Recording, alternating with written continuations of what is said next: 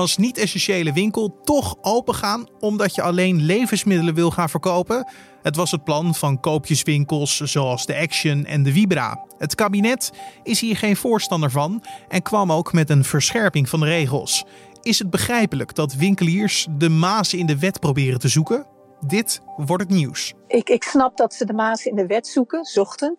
Aan de andere kant denk ik, toon nou ook wat leiderschap in deze tijd. En, en werk gewoon mee aan de maatregelen die, die het kabinet noodzakelijk acht. Wat je daar ook verder van vindt. Dat was Kitty Koelemeijer, hoogleraar marketing en retailing aan de Nijrode Business Universiteit. Ik praat zo met haar verder over de sluiting van alle niet-essentiële winkels. Maar eerst kijken we kort naar het belangrijkste nieuws van nu. Mijn naam is Carne van der Brink. Het is vandaag woensdag 16 december en je luistert naar de Dit wordt het nieuws middagpodcast. Het RIVM heeft vandaag ruim 11.000 positieve coronatests geregistreerd. Het dagcijfer ligt fors hoger dan het weekgemiddelde. Mede omdat de cijfers van maandag en dinsdag incompleet waren door een storing bij de GGD's. Het registratiesysteem van de GGD was zondag overbelast, waardoor er maandag en dinsdag sprake was van een onderrapportage.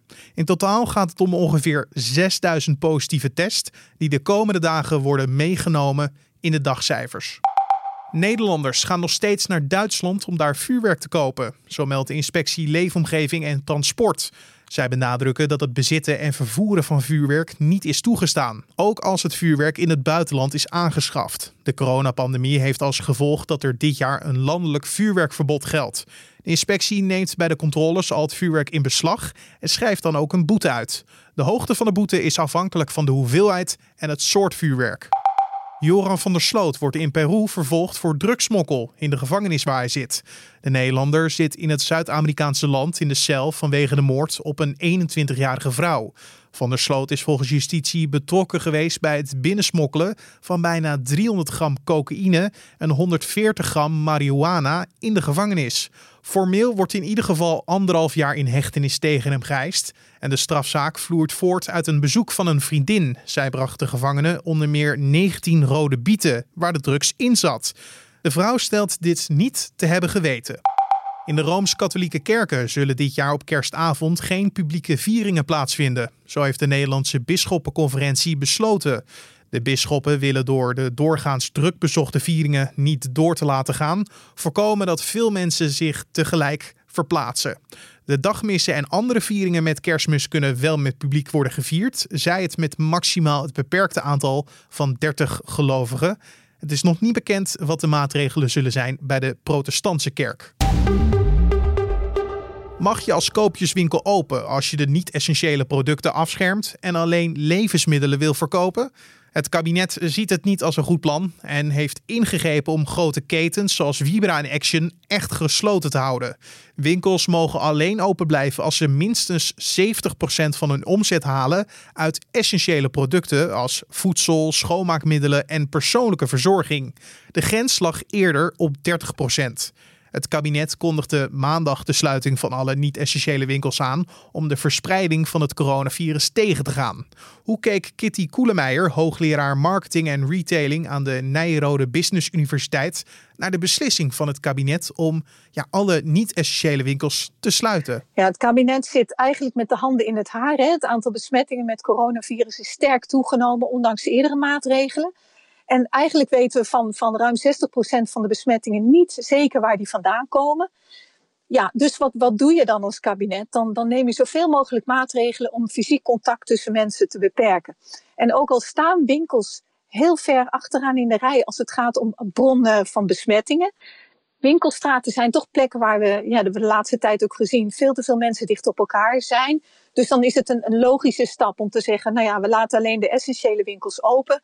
En de winkels die niet essentiële spullen verkopen, die, eh, die doen we dicht. Net zoals hè, de horeca, eh, de hotels en, ehm, en eh, ja, allerlei, allerlei sociaal-culturele instellingen. Maar ja, om de bewegingen zoveel mogelijk te minimaliseren, inderdaad. Ja, ja. Want het is natuurlijk een grote klap voor ondernemers, zeker in deze decembermaand. Het is een enorme klap. En wat, wat deze maatregelen eigenlijk doen, is dat ze het hele concurrentieveld uh, verstoren en eigenlijk scheef trekken. Hè? Want de winkels die wel mogen open blijven, die halen natuurlijk heel veel omzet weg die anders bij andere winkels uh, gedaan zou zijn. En je ziet ook dat de online aanbieders hier een enorm voordeel bij hebben. Dus je, ziet de supermarkten en de online aanbieders, die gedijen hierop. En in een eerder stadium natuurlijk ook uh, de tuincentra en de, en de bouwmarkten. Um, en ja, en, en tegelijkertijd zijn er ook partijen die nu dus echt verlies leiden. En dat wordt ten dele gecompenseerd door de overheid. Maar je bent, je bent echt het concurrentieveld enorm aan het verstoren. En dan is het fijn dat de kleine zelfstandige bakker, slager, uh, groentewinkel, dat die nog open kan blijven. Anders zou die omzet ook naar de supermarkten gaan.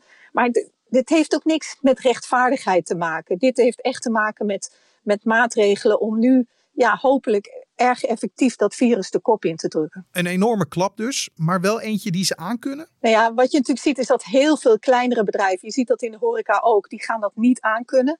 Uh, er zijn ook al heel veel bedrijfsbeëindigingen geweest de afgelopen half jaar. Dat, dat zijn kleine ondernemers die het niet op een faillissement aan willen laten komen. Die faillissementen die worden nog verwacht, met name in het tweede kwartaal eh, van 2021. Er zijn gewoon heel veel kleine partijen die dit niet, niet redden. En macro-economisch heeft dat niet altijd zoveel impact. Omdat je natuurlijk voor he, allerlei nieuwe restaurantjes ziet komen, nieuwe winkels zult, zult zien opkomen. Maar uh, op, op individueel niveau is, is de schade enorm. Echter waren er ook winkels die open wilden gaan en maar een deel van hun assortiment wilden verkopen. Uh, denk aan een Action of een Vibra. Is dat dan slim ondernemen? Ja, ik, ik, um, ik, ik snap dat ze de maas in de wet zoeken, zochten. Aan de andere kant denk ik, toon nou ook wat leiderschap in deze tijd. En, en werk gewoon mee aan de maatregelen die, die het kabinet noodzakelijk acht. Wat je daar ook verder van vindt. Want als natuurlijk heel veel winkels toch open gaan en een deel van hun assortiment openzetten, ja, dan, dan blijven we natuurlijk dat fysieke verkeer van mensen houden. En dan, ja, dan, dan is die maatregel niet effectief. Ik begrijp wel, hè, wat ik al zei, dat, dat natuurlijk dat concurrentie, dat speelveld wordt enorm verstoord, wordt op zijn kop gezet.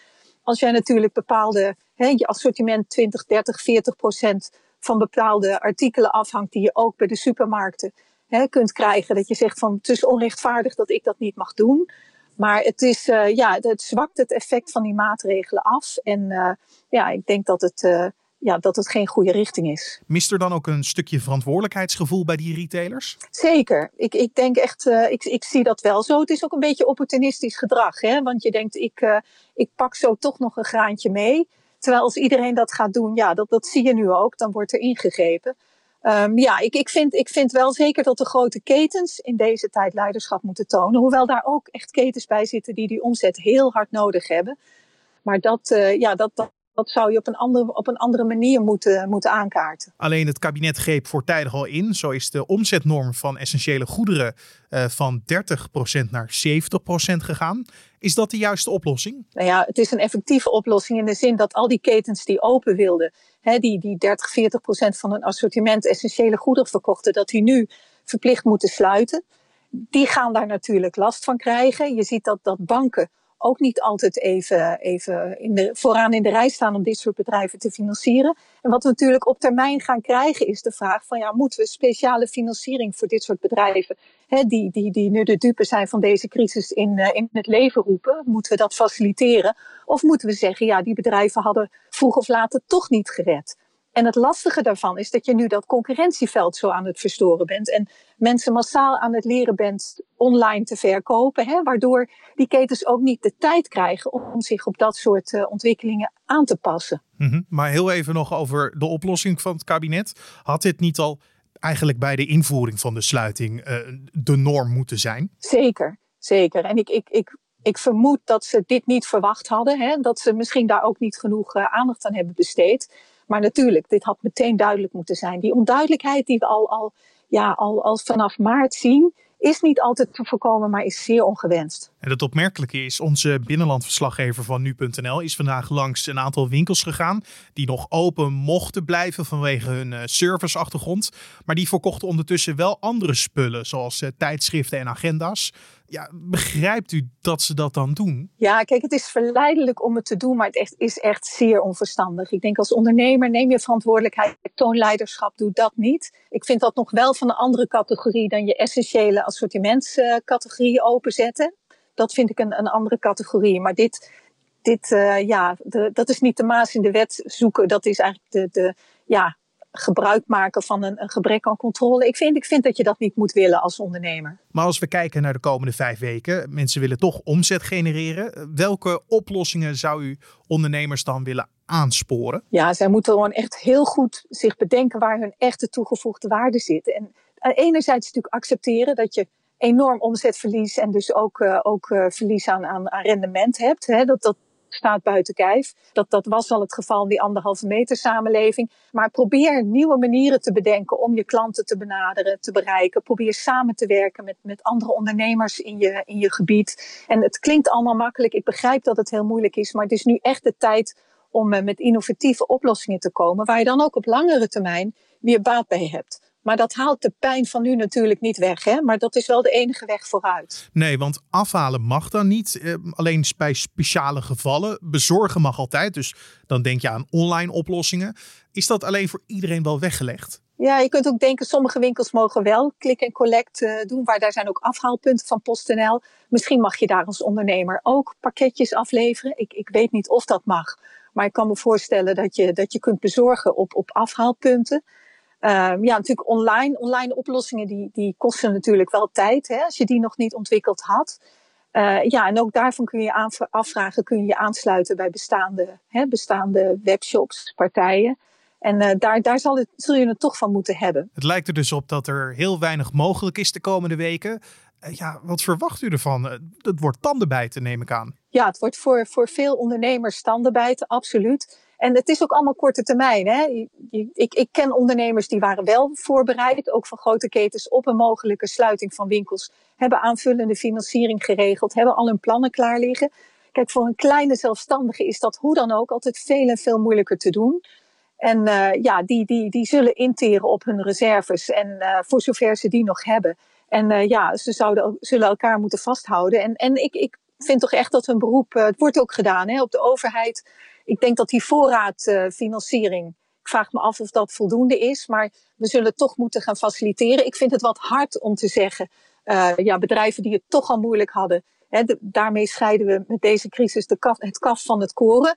Uh, want het gaat nu ook allemaal zo snel. En, en uh, hoe goed je ook bezig bent als ondernemer, dit soort dingen, daar kun je nooit helemaal, zeker niet als zelfstandig, op voorbereiden. Heel erg bedankt. Kitty Koelemeijer, hoogleraar marketing en retailing aan de Nijenrode Business Universiteit. En dan nog het weer. Vanavond zijn er eerst brede opklaringen. Later neemt de bewolking toe. In de nacht en vroege ochtend is het bewolkt en regenachtig bij minimaal 6 graden. Morgen kan het in het oosten eerst nog grijs en nat zijn. In de middag is het op een lokale bui na droog en schijnt de zon geregeld. Met 9 of 10 graden is het erg zacht. En om af te sluiten nog even dit. Cabaretier Jochem Meijer heeft de best bekeken YouTube-video van het jaar in Nederland gemaakt. Het gaat om deze sketch uit zijn show Adem in, Adem uit. Ik sta te stressen. Opeens ook een stem. Meneer, emotionele op de Antillen, meneer?